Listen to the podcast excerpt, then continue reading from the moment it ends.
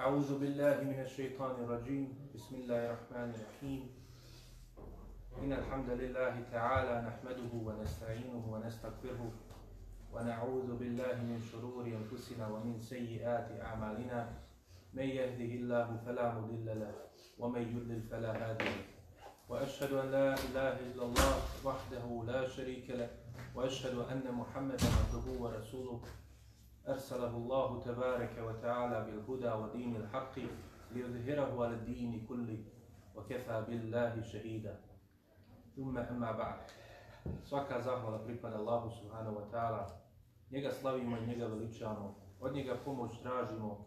Njemu se utječemo zla naših duša i naših loših dijela.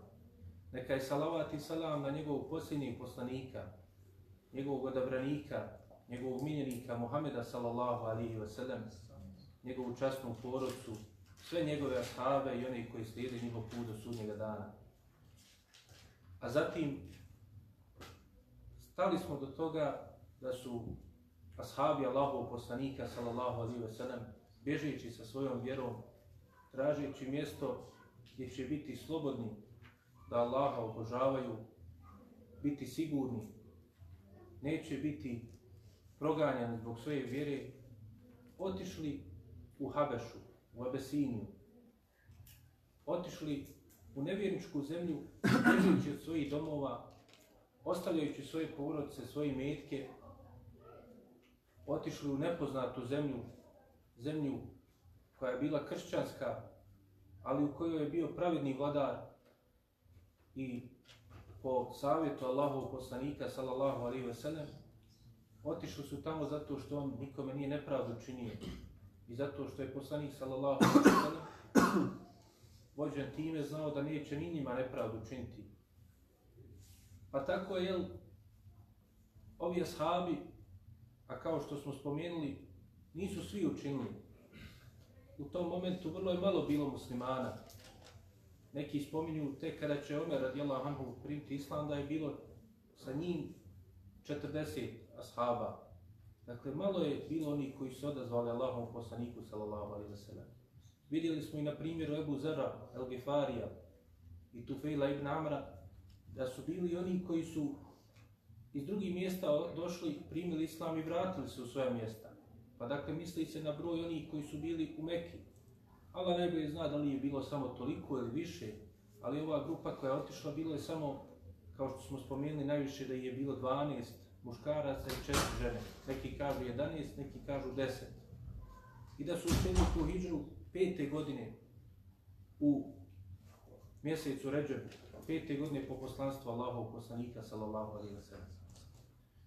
Pa su, jel, izabrali ti koji su otišli, a neki su ostali sa poslanikom, sallallahu alaihi wa sallam, ti koji su ostali bili su većinom, većinom od onih robova, onih potlačeni najviše, a otišli su opet Allahov mudrosti, dakle, otišli su mladići iz najuglednijih porodica u Mekiji, čak potomci ili bližnji od onih koji su bili predvodnici neprijatelja Allahov poslanika, sallallahu alaihi wasallam, predvodnici mušlika.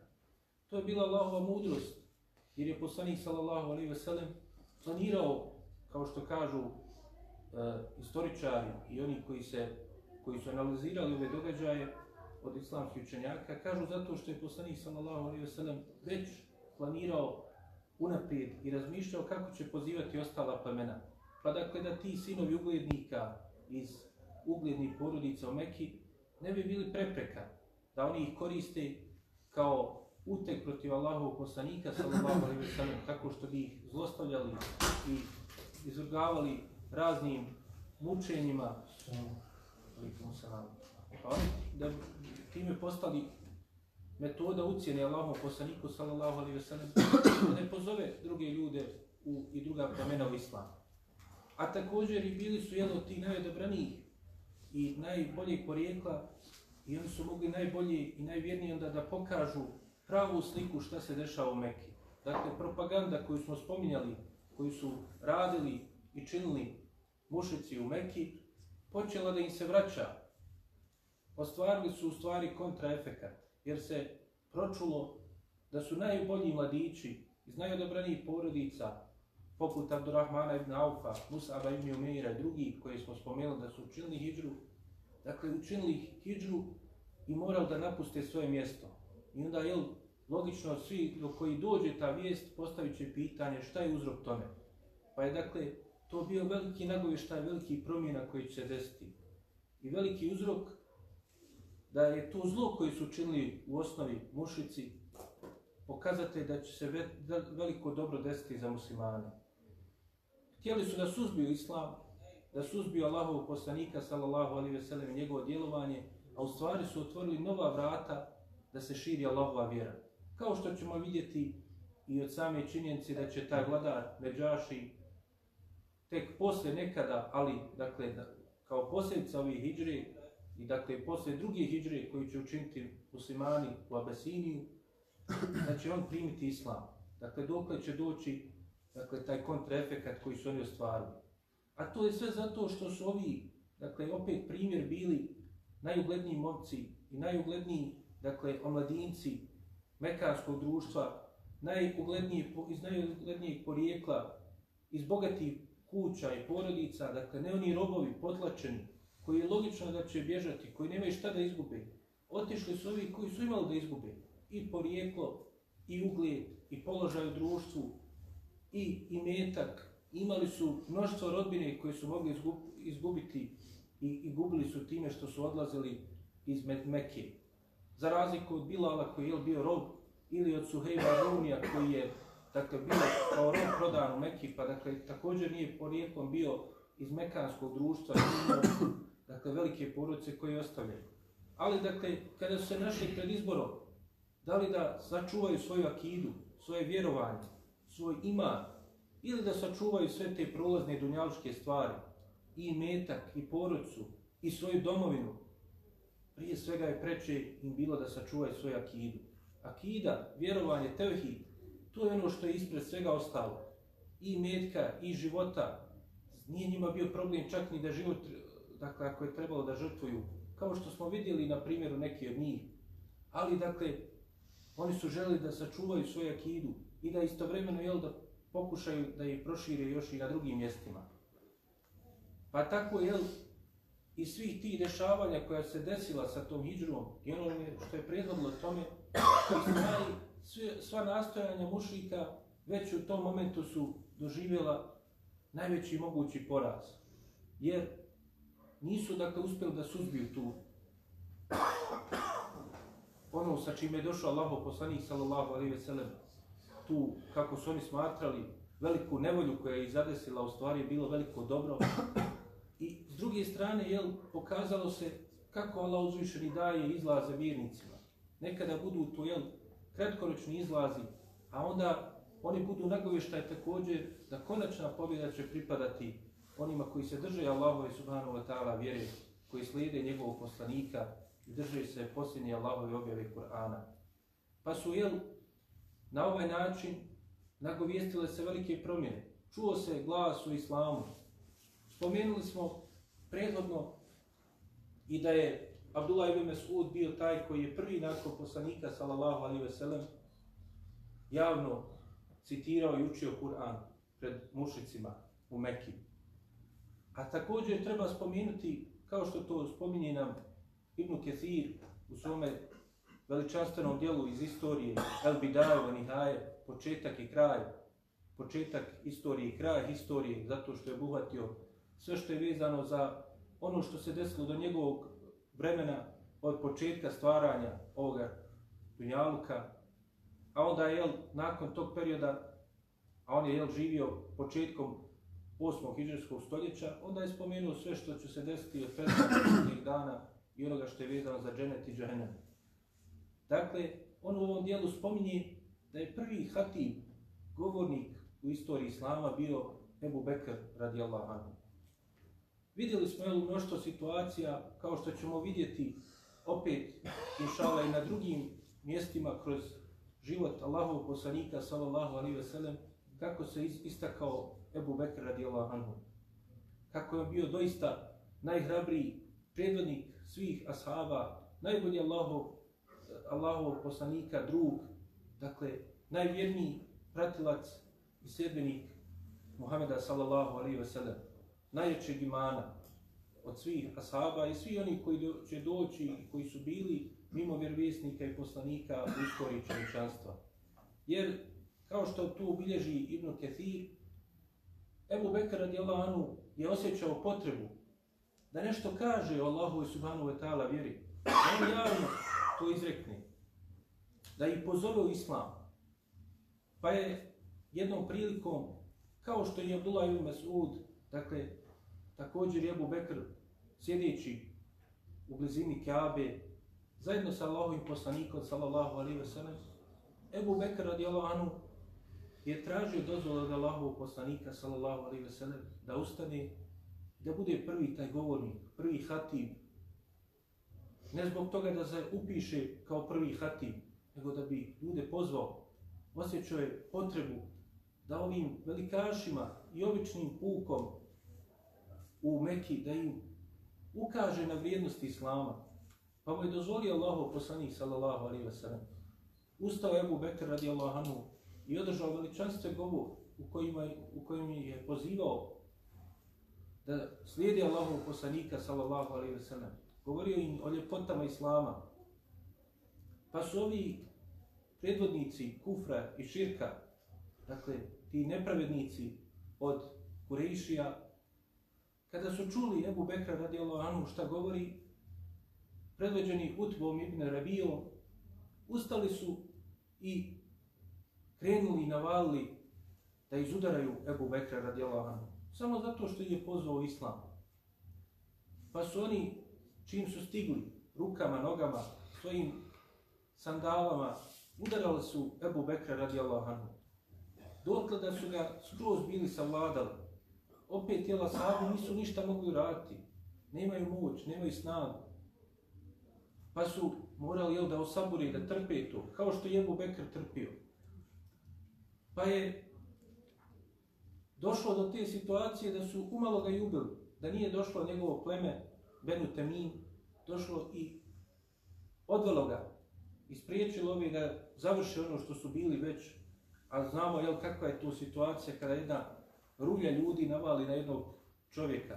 Dakle, tu više nema nikakve kontrole, ne gleda se više ko šta radi i kakve udarce i povrede nanosi.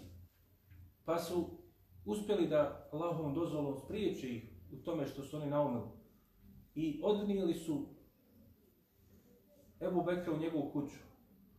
Rekli su, iako su i oni bili mušici, ali dakle, poštovali se te poručne veze, poštovalo se, jel, kao što smo spominjali, jedna od tih vrijednih stvari u vrijeme predislamsko, vrijeme džahilije, da su imali te rodbinske veze, imali su obzira prema njima, čuvali su ponos među sobom, iako su jel, imali sa druge strane pretjerivanje po pitanju toga, pa je to izazivalo sukobe među njima.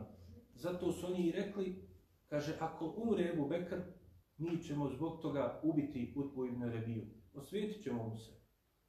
Iako je jedni i drugi dijeli ista razmišljanja po pitanju onoga u što je pozivao i Allahov poslanik Ebu Bekr. Ali Allahom voljom Ebu Bekr je osvijestio se u svojoj kući.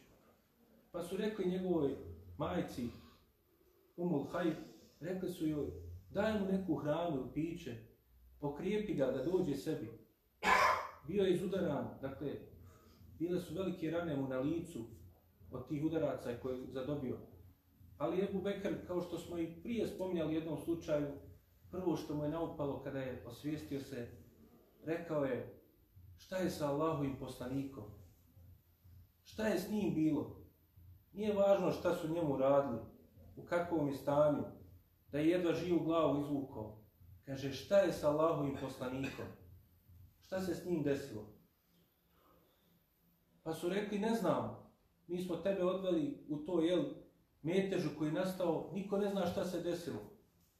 I niko nije vidio gdje je otišao i gdje se nalazi Allahov poslanik, sallallahu alejhi ve sellem i da li su nešto njemu naudili. Pa se nije smirio Abu Bekr. Rekao je svojoj majici da ode pitati Umu Džemil, koja je bila sestra Omera ibn Hataba, Umu Džemil, čerka Hatabova, da nju pita. Pa je, kada je ona, kad su došli i pitali je, ona je rekla, ja ne znam ni ko je Muhammed ni ko je Ebu Zato što nije želila, jel, da išta im kaže, da ne bi slučajno šta naudili. Ali kad su rekli joj da je Ebu Bekr radi Allahanu traže to, onda je sa njegovom majkom otišla i pitao je Ebu Bekr, da li znaš šta je sa Allahovim poslanikom? Pa je ona rekla, zar ćeš me to pitati pred svojom majkom? A tada majka Ebu Bekra radijallahu anhu nije bila primila islam. Pa kaže, slobodno reci mi i pred njom. Pa je rekla da je on u kući Erkamovoj, da je tamo sa svojim ashabima, da ih podučava, da je sigurno da mu se ništa nije desilo. Hvala Allahu. Ali Ebu Bekr radijallahu anhu, nije mu to bilo dovoljno. Nego je tražio da ga odvedu Allahovom poslaniku, da on se lično uvjeri. Dakle, sam iz udara u, po, sa raznim povredama nije mogao sam da voda, nego je naslonio se između dva čovjeka i onda su ga oni tako odveli, odšepao je do Allahov poslanika, sallallahu alaihi wa sallam. Kada je došao tamo i kada je vidio Allahov poslanika, sallallahu alaihi wa sallam, tada se smirilo srce Ebu Bekrova jer je znao da je Allahov poslanik sallallahu alejhi ve sellem siguran. A otišao je također zajedno s njim je otišla njegova majka Umul Khair. Pa je poslanik sallallahu alejhi ve sellem rekao kada je vidio da je s njim njegova majka, pa je onda jel kada mu je rekao Ebu Bekr da je to njegova majka, onda je Ebu Bekr zatražio od Allahovog poslanika sallallahu alaihi ve sellem kaže dovi Allahu poslaniće, Allahu da je uputi. Reci joj nešto što će navesti da primi islam. Pa je Allahu poslanik sallallahu alaihi ve sellem uputio dovu i pozvao islam citiraju nešto od Kur'ana pa je ona Allahom voljom primila tada islam. Njegov babo će tek poslije također da primi islam. Pa dakle, tako je jel, Ebu Bekr radijallahu anhu se upisao u to da bude prvi koji će javno pozivati u islam. I dakle, u sve one nedaće koje smo spomenuli, muslimani su koristili metode koji su bili na raspolaganju da ljude pozovu islam, bez obzira na svu tu nepravdu koju su činili, bez obzira na sve te nedače na koje su naišli. Nisu posustajali na tom putu. Pa je dakle tu bilo teško mušicima, ali dakle tu su bile te posljedice promjena i nepravda na kraju, na kraju je rađala odgovor u tome da se muslimani postajali sve jači i čvršći u svojoj vjeri. Allahu poslanik sallallahu alaihi ve sellem također je opet nastavio da ih pozove i opet je bio izlagan raznim nedačama. Imam Ahmed u svome musnedu bilježi da je opet Ebu Džehl kao u mnogo drugih prilika pokazao se da je on doista faraon ovoga umeta. Jer je Allahom poslanik sallallahu alaihi ve sellem ponovo javno obavljao namaz pored Kaabe, pa je Abu Džehl kada je to vidio, a videli smo prije kako je prijetio poslaniku sallallahu alaihi wa sallam, kako je bio spreman čak i da ga da mu nanese fizičku dakle, kaznu zbog toga što klanja pred njima javno. Pa je opet krenuo Allahom poslaniku sallallahu alaihi ve sellem da prijeti i rekao mu, zar ti nisam zabranio da to radiš? Pa je poslanik sallallahu alaihi ve sellem nastavio, nije se dao da se pomete u svome ibadetu prema Allahu uzvišenom. Pa je ovaj, dakle, ponovo nastavio da prijeti poslaniku sallallahu alaihi ve sellem. Pa je rekao, zar ne vidiš ovaj moj skup koji ja vam imam? Te, dakle, velikane, te uglednike, te dakle prvake koji su bili poznati po svojoj jel, hrabrosti i borbenosti u prethodnim bitkama koji su oni vodili kao pleme Kurejiš, pa kaže, zar se ne bojiš njih? Kaže se da je to bio povod da se objavi ostatak sure Al-Alaq u kojima je Allah uzvišeni počinje sa riječima u kojima kaže Eferejte ledi jenha abden idha salla. Kaže, da nisi vidio onoga, kaže, koji ispriječava roba da klanja?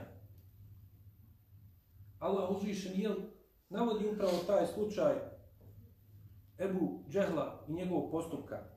A na kraju završava taj pasus i taj dio, odlomak iz sure Alek, u kojima Allah uzvišeni kaže i prijeti ovom nepravedniku, kaže, fel jedu u nadije. Neka, kaže, zove on te svoje pomagače, tu svoju grupu, znači to svoje sjelo u kojem su oni sjedili i spletkarili protiv Allaha i njegove vjere.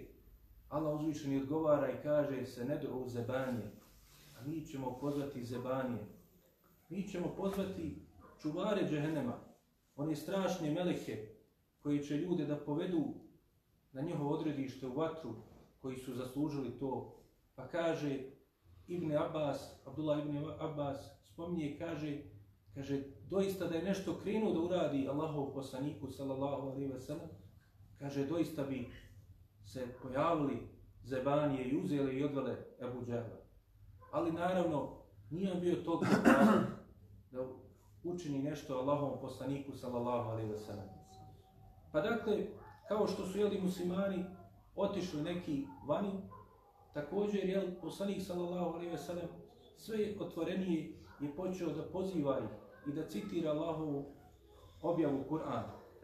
Pa se spominje da je u ovom vremenu, dakle ove iste pete godine po o poslanstvu Allahov poslanika sallallahu alejhi ve sellem da je se desio jedan interesantan događaj koji će biti uzrok po mišljenju nekih historičara da se vrate muslimani iz Abesinije. Spominje se dakle da su oni ostali vrlo kratko u Abesiniji nakon te prve hijđre. Dakle, spominje se da su otišli u Ređebu, a da su se vratili ili u mjesecu Ramazanu ili u mjesecu Ševalu. Dakle, vrlo kratko su boravili tamo, dakle, samo nekoliko mjeseci. Dakle, bili su jel, e, dio Ređepa, čita Šaban i ili čita Ramazan ili dio Ramazana pa su se vratili. Neki kažu da je uzrok tome bio zato što su oni bili od tih uglednika, da su bili neki sa svojim porodcama, sa svojim e, suprugama. Pa dakle, teško je bilo otići u nepoznatu zemlju, bez ičega. Valjalo je živjeti tako. Pa su je, neki morali da se vrate iz tog uzroka. Drugi istoričari spominju da je razlog njihovog povratka bila lažne vijesti koje su mušici poslali do tamo da se promijenila situacija u Mekki, da, su, jel, do, da je došlo do nekog dogovora i da se oni trebaju da vrate. Neki dodaju na taj uzrok i povod, to je da se jel, desio slučaj o kojem ćemo sada govoriti, a to je dakle, da je u mjesecu Ramazanu, da je poslaniku, sallallahu alaihi ve sellem, ili objavljena sura Neđu, ili da je on tad citirao i javno proučio Pa su svi učinili, kao što bilježi ima Buharije, ima muslim u svojim sahihima, kaže se, jel, da je prva, kaže, sežda, kako prenosi Abdullah ibn Mes'ud, radi Allah, prva, kaže, sura u kojoj je objavljena sežda, je sura Neđu. I kaže, tada su učinili seždu svi, i muslimani, i mušici, i džini, i ljudi. Svi su učinili seždu nakon što su jel, došli do kraja te sure i kada su čuli veličanstvene ajete te sure. Ali tu se javlja problem. Dakle, ovdje se ne govori kada se to desilo. Onda druga stvar koja nam ukazuje da to Allah najbolje zna nije se tada desilo jeste što je prenosilac Abdullah ibn Mas'ud. A spomenuli smo da je on bio također od onih koji su učinili hijđu. I treća stvar što u samoj suri Nežem se govori o tome da je poslanik sallallahu alaihi wa sallam drugi put vidio Džibrila u njegovom stvarnom liku, a kao što ćemo to išala vidjeti, to se desilo u noći Isra i Mirađa. Dakle, tek posljednje kada dakle, se to desilo. Pa dakle, Allah najbolje zna, to nije bio eh, vrijeme kada je poslaniku sallallahu alaihi ve sellem objavljena ova sura, nego se to desilo nakon Isra i Mirađa.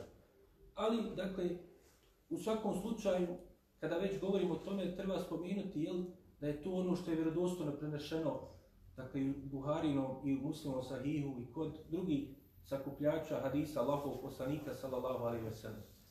Ali ono što navode neki istoričari, a na to se jel, posebno hvataju neprijatelji islama, bilo orientalisti, bilo oni među muslimanima sa bolestnim srcima, jeste kazivanje o poznato kao kisatu garanik, to jest kazivanje o garani, To jeste da je poslanik sallallahu alaihi ve sellem pohvalio Lata, Juzata, Imenata, pa su Zbog toga ovi mušici učinili seždu.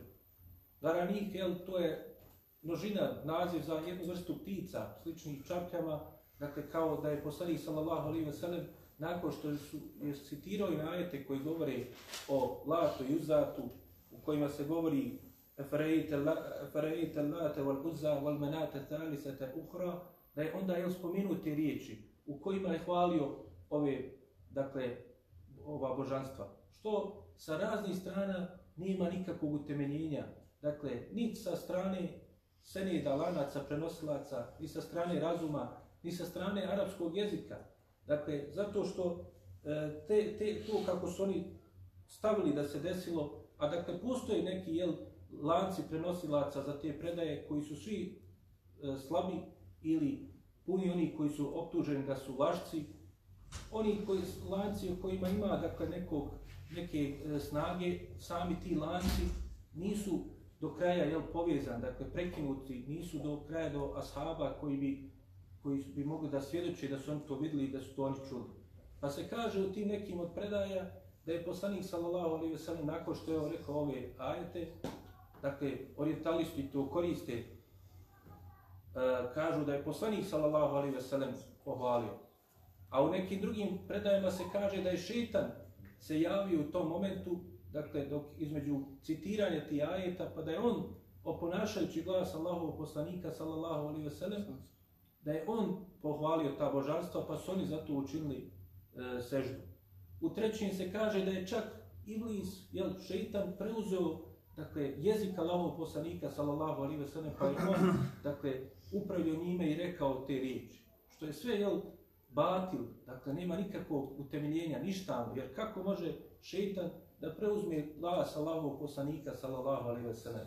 Kako može poslanik sallallahu alejhi ve sellem da pohvali njihova božanstva, a odbio je bilo kakve dogovori popuštanje po pitanju tevhida Allahu al uzvišenom, kada nikada nije učinio nikakvi oblik širka prije nego što je postao poslanik. Dakle, iako nije došlo mu poslanstvo, nije zabilježeno da ikada, i kao što smo vidjeli iz nekih primjera koji smo navodili, iz života Allahu poslanika prije e, nego što mu je počela silasti objava, on nikada nije učinio nikakav oblik širka, nikada nije učinio seždu ili pohvalio neko od tih ništavnih božanstava koji su oni obožavali.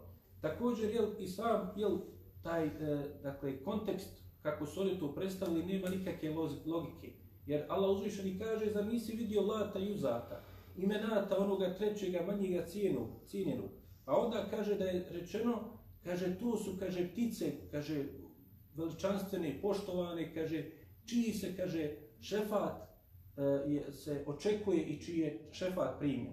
Dakle, temelj onoga što ruši tevhid, a to je, dakle, posrednici između Allaha i, i njegovih stvorenja, da se uzima i da se preko njih dovi Allahu uzvišeno, kao ovdje to Allah, Allahom poslanik sallallahu alaihi ve sellem na neki način odobrava. A onda dalje dijel što je nema smisla ni sa konteksta arapskog jezika, niti razuma, onda imamo jel, da Allah uzvišen u nastavku, jel, nakon što je ukazao na njih, na jedan način da je rekao, jesi i vidio u smislu da ih o, osudiš, a onda ih je pohvalio, pa onda nastavlja da ih kritikuje i da poništava to što oni vjeruju. Jer kaže dalje, elekumu zekeru velehu unta. Kaže, zar vama pripadaju, dakle, e, sinovi, a Allahu ne uzubila čirke. Zato je što je to u, u, u, u, dakle, u ženskom rodu su došli. Kaže, tilke idem kismetom dila. Znači, to je dakle nepravedna i e, ništavna, e, ogavna podjela, da bude tako. Znači, najgore moguće kritike. I onda i dalje Allah uzvišeni kaže in hiye illa esma'un semejtumuha entum wa aba'ukum. Ma anzalallahu biha min sultan. Kaže, to nisu osim imena. A znamo jel, kako su ta imena nastala, da su oni koristili lat od Allahovog imena ila, dakle, i tako dalje, dakle, od eh, Allahovog imena Aziz, Uza, dakle, ženski rod iz Allahovog imena izvodili, dakle, pa su onda činili ilhad i nevjesto po pitanju Allahovih lijepi imena, dakle, i davali nazive za svoja božanstva tako, pa dakle, Allah uzvišeni kaže, kaže, to nisu osim imena, dakle, nemaju nikakve vrijednosti. Znači, to su drveće, kamenje, nema to ništa, to je samo naziv koji ste vi dali. Znači, ništa drugo nema. Osim tog naziva ne postoji, dakle, niti je bio čovjek, niti ništa, nema ništa iza toga koji ste dali vi i vaši očevi prije vas. A Allah uzvišeni dalje kaže da nije objavio nikakav sultan. Dakle, nije rekao samo dokaz. Nego Allah uzvišeni kada negira širk u Kur'anu vidimo često da kaže ma enzalallahu biha min sultan. Nema nikakvog sultana, znači u smislu jel, nikakvog jakog dokaza, nekog argumenta. Vi imate argumente. Svi koji čine širk, koji obožavaju nešto mimo Allaha uzvišenog, oni imaju argumente, ali nemaju argumenta koji može nadvladati, koji ima snagu i moć da bi bio uvjerljiv u tome što oni rade. Kaže, dalje Allah uzvišeni, e, in i je tebi une illa van, oma tehva enfus. Kaže, vi ne slidite osim dakle neka mišljenja. Nemate jel jasni dokaza, nemate, ne slidite objavu. I kaže, slidite ono što je vaše strasti, jel, vas nagovare da kaže. Pa dakle, kao što kažu Imam Nevevi, Ibn Kethir, e, Qadi Jad i mnogi drugi, dakle, ove predaje što se tiče ovog kazivanja su izmišljene. Še Albani je napisao, E, Rahimullah, poznatu svoju poslanicu koja je jel, sa svih strana mogući poništio dakle, validnost bilo kakvu u ovo kazivanje da je poslanik sallallahu alaihi ve sellem nešto tako rekao. Također, jel, kako da Allahu poslanik sallallahu alaihi ve sellem to kaže kad sama sura Neđum, kako počne? Kaže, on Neđum idha hava. Dakle, zvijezda kada zađe, ma, Allah uzvišeni se kunije sa zvijezdom, kaže, ma dolle sahibu kum vama gava. Vaš, kaže, prijatelj, onaj koji ste znali, Allahu poslanik Muhammed sallallahu alaihi ve sellem, cijenjeni poštovan mekanskom on kaže, nije skrenuo sa pravoga puta, niti je zalutao, niti je, jel, on krenuo nekom zabudom. Vama yantiqu anil hawa in hiya illa vahju yuha. Kako da nešto kaže poslanik sallallahu alejhi ve sellem? Dakle kad on u osnovi ne govori po hiru svome. On kaže ne govori po hiru svome, nego to mu je objava koja mu se objavljuje od Allaha uzvišeno. I Kur'an i Sunnet i ta mudrost koja mu je data i Allahov objava Kur'an, to je sve ono što je Allahovom poslaniku sallallahu alejhi ve sellem objavljeno preko Džibrila alaihi salam. Pa dakle, kako može biti u samoj suri, jel negira se to što oni govori?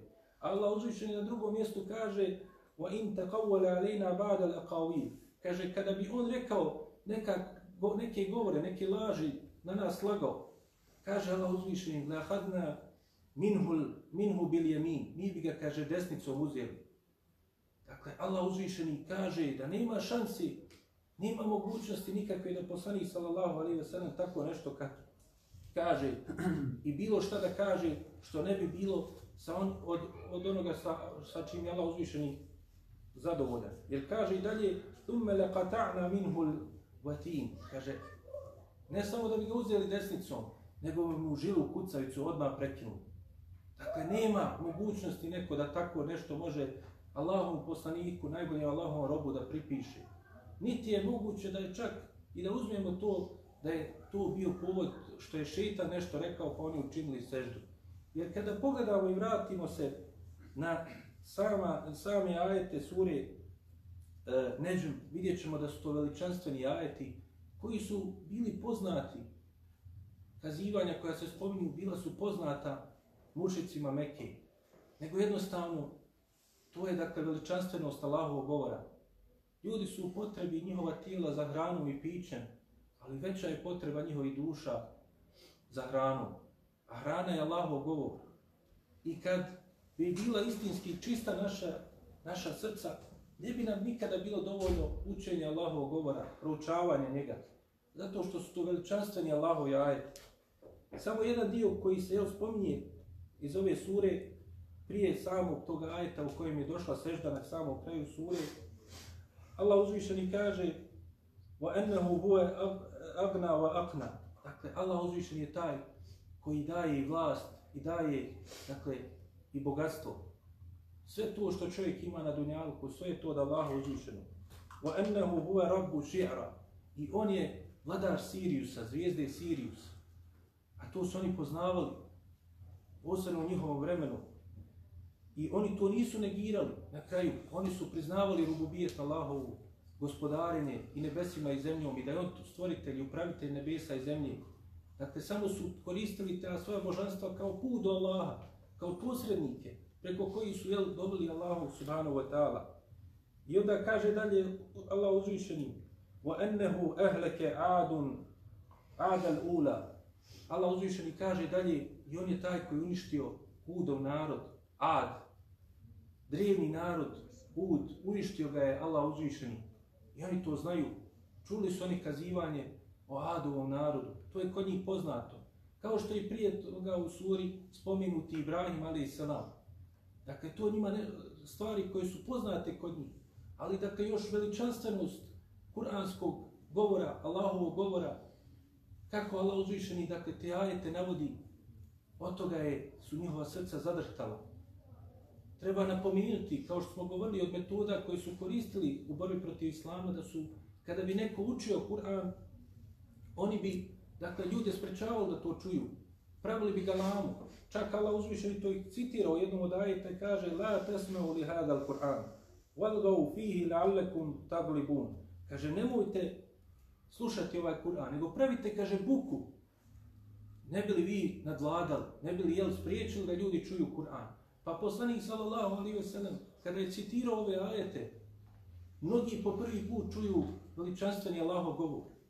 Potrebno je ljudi da dođu do toga, da bez ikakvih predrasuda čuju i sami prosude o Allahovom govoru. Arapi su jel, bili narod riječit koji je poznavao šta je pjesništvo, šta je sihr. Poznavali su jel, šta je istinski govor ljudi, a šta je nešto što je iznad toga, nešto nadnaravno.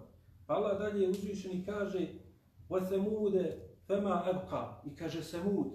Također znali su kazivanje o narodu Semudu, koji, kaže Allah uzvišeni, nikoga od njih nismo ostali. Svi su uništeni zbog toga što su Allahu uzvišenom bili nepokorni i činili mu širk.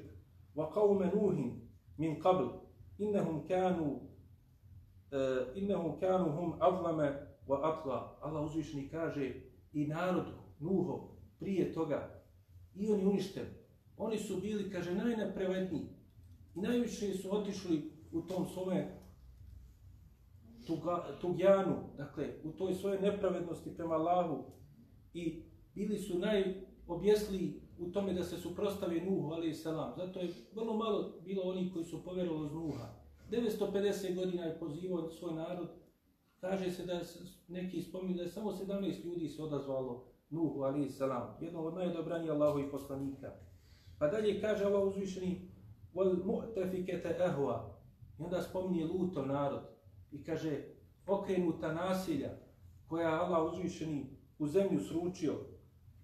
Pa kaže dalje fa gašaha ma gaša. Pa kaže zadesilo ih je ono što je zadesilo. O strašne Allahove kazne zato što su njemu nepokorni bili, što su mu druge pridruživali u ibadetu. Pa kaže, febi eji ala rabbike tetemara, kaže, pa koju onda ti blagodat svoga gospodara niječeš i sumnjaš u nju? Kaže dalje Allah uzvišeni, hada nedirun min nudoril ula, dakle, ovo je upozorenje iz reda onih drevnih i prethodnih upozorenja. Čuli ste za Ibrahim a.s. Čuli ste za Nuha, čuli ste za ove narode. Nema nikakve razlike iz ovog, između toga i ovoga što Allah uzvišeni objavljuje. Sve je to jel, ista vjera, isti islam koji je došao svim tim poslanicima. Allah uzvišeni onda podsjeća i kaže Ezifetil azife, lejse leha min dunillahi kašife. Kaže, sudnji čas se približio. Neće ga razotkriti i neće ga neće ga otkoniti niko osim Allah uzvišeni. Kaže Allah uzvišeni dalje, Efe min hadal hadithi ta'đebun. Zar se kaže, ovo me govori iščuđavate. Ovo me se smijavate, protiv ovog se borite. A znate ove istine. وَتَدْحَكُونَ وَلَا تَبْكُونَ tabkun. I kaže, smijete se. Smijete se ovome. Ovome se smijavate. A ne plačete nad svojim grijesima i svojoj nepokornosti Allahu uzvišenom. Kaže Allah uzvišeni dalje, wa entum sami dun. A vi ste, jel, oholo dižete svoje glave. U gafletu ste, nema, ne interesuje vas ti ajeti. Šta će se zadesiti nakon toga? Da se bliži sudnji dan. Brzo ćemo u kabur, pa valja na sudnji dan. Kako ćemo odgovoriti Allahu uzvišeno? Neće biti, ja neću odgovarati, ne moram ni dženet, ni džehenem. nego farikum fil dženne vo farikum fil sair. Skupina za dženeta, skupina za sair. Skupina za vatru. Nema treći. Ali prema dijelima pravedno Allah uzvišeni će svakome suditi. I nakon toga kaže Allah uzvišeni Fesđudu lillahi wa'budu. Kaže Allahu činite seždu i njega obožavajte. Pa kada su čuli ove veličanstvene ajete, ti mušici, ti koji su toliko truda uložili da spriječe Allahov poslanika i njegove ashabe, da utrnu Allahovo svjetlo, njihova srca, kada su se napojila sa ovom hranom istine, nisu mogla osim da učine seždu Allahu uzvišenom, da se pokori Allahu, da čini seždu i Allaha obožaju. Jer taka je Allahova subhanahu wa ta'ala istina.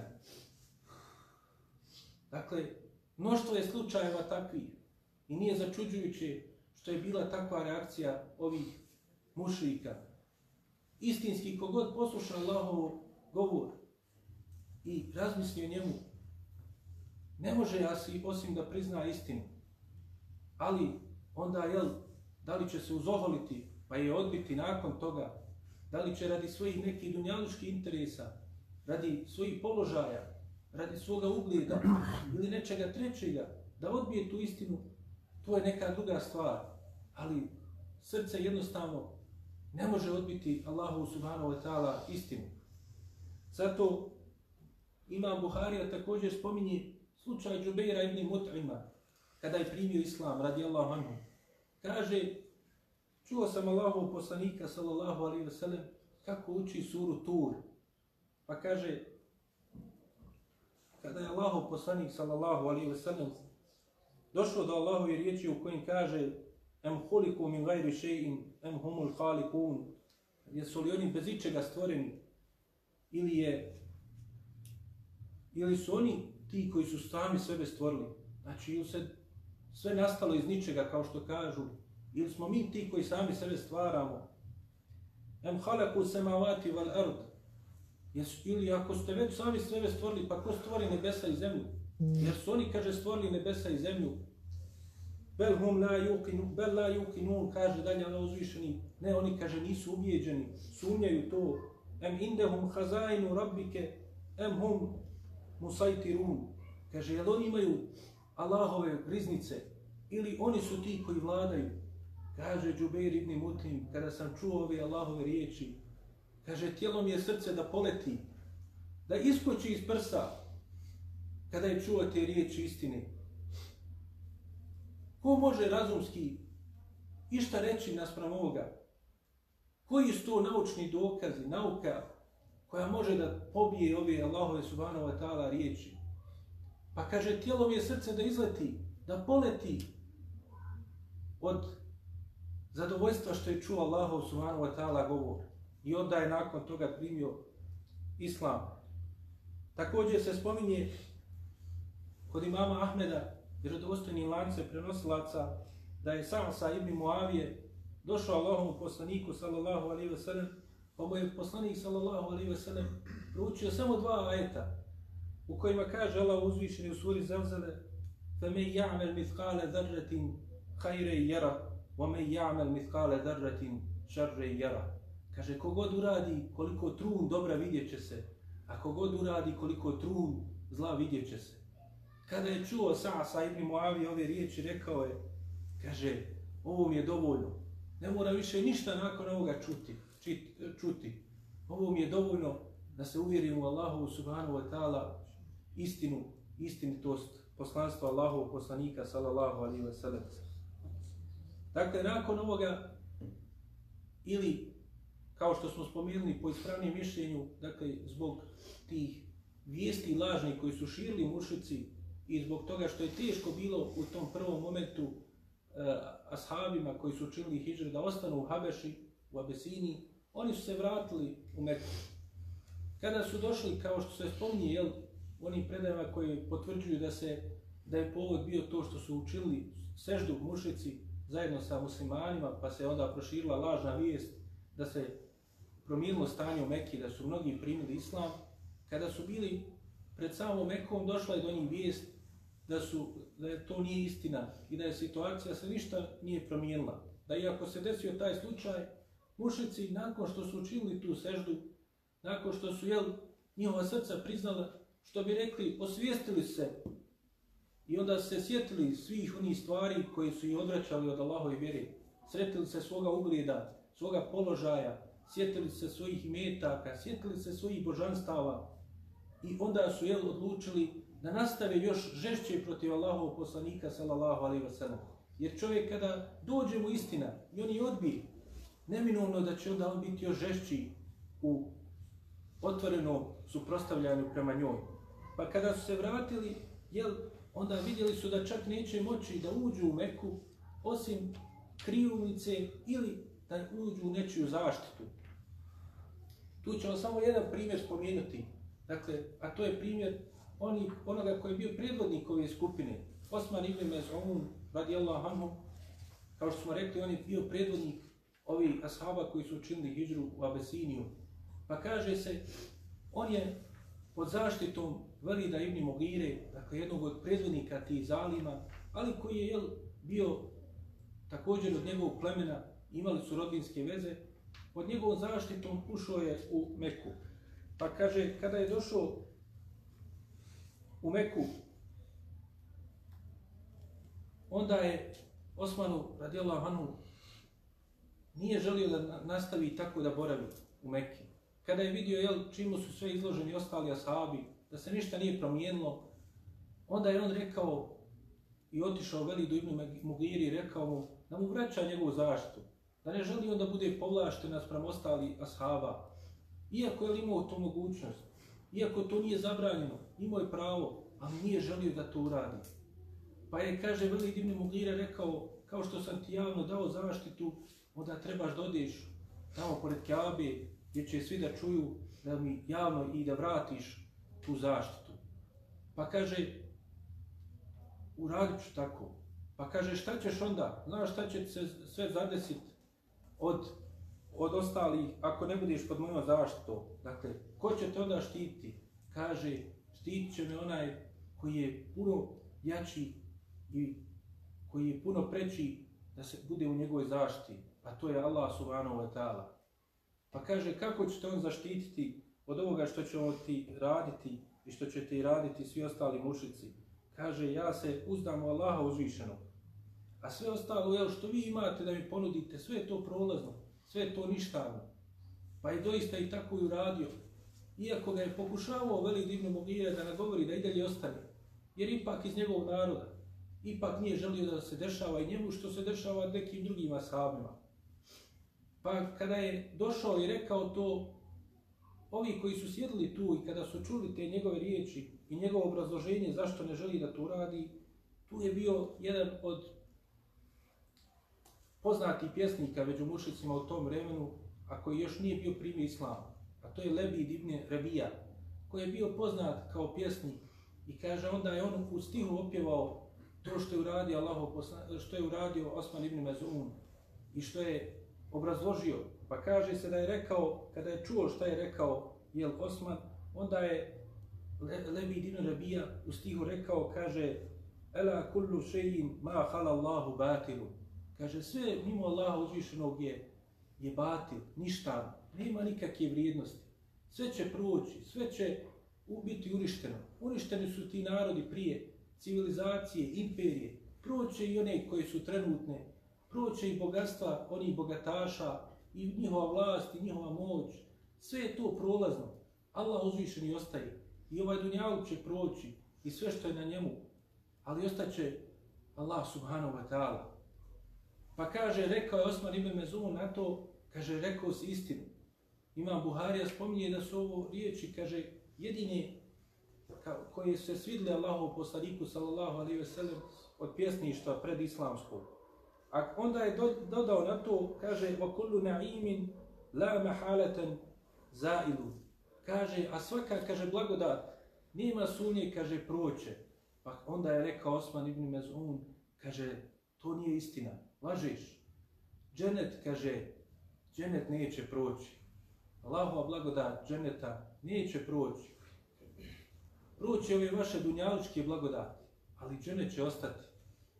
Samo je pitanje ko radi za dženeta, ko radi za te dunjavučke prolazne, prolazne blagodati. Pa kaže se, nakon toga, jel, Osman ibn Mezun je ostao bez zaštite i bio izložen svemu onome ostalome što su bili izloženi ostali ashabi.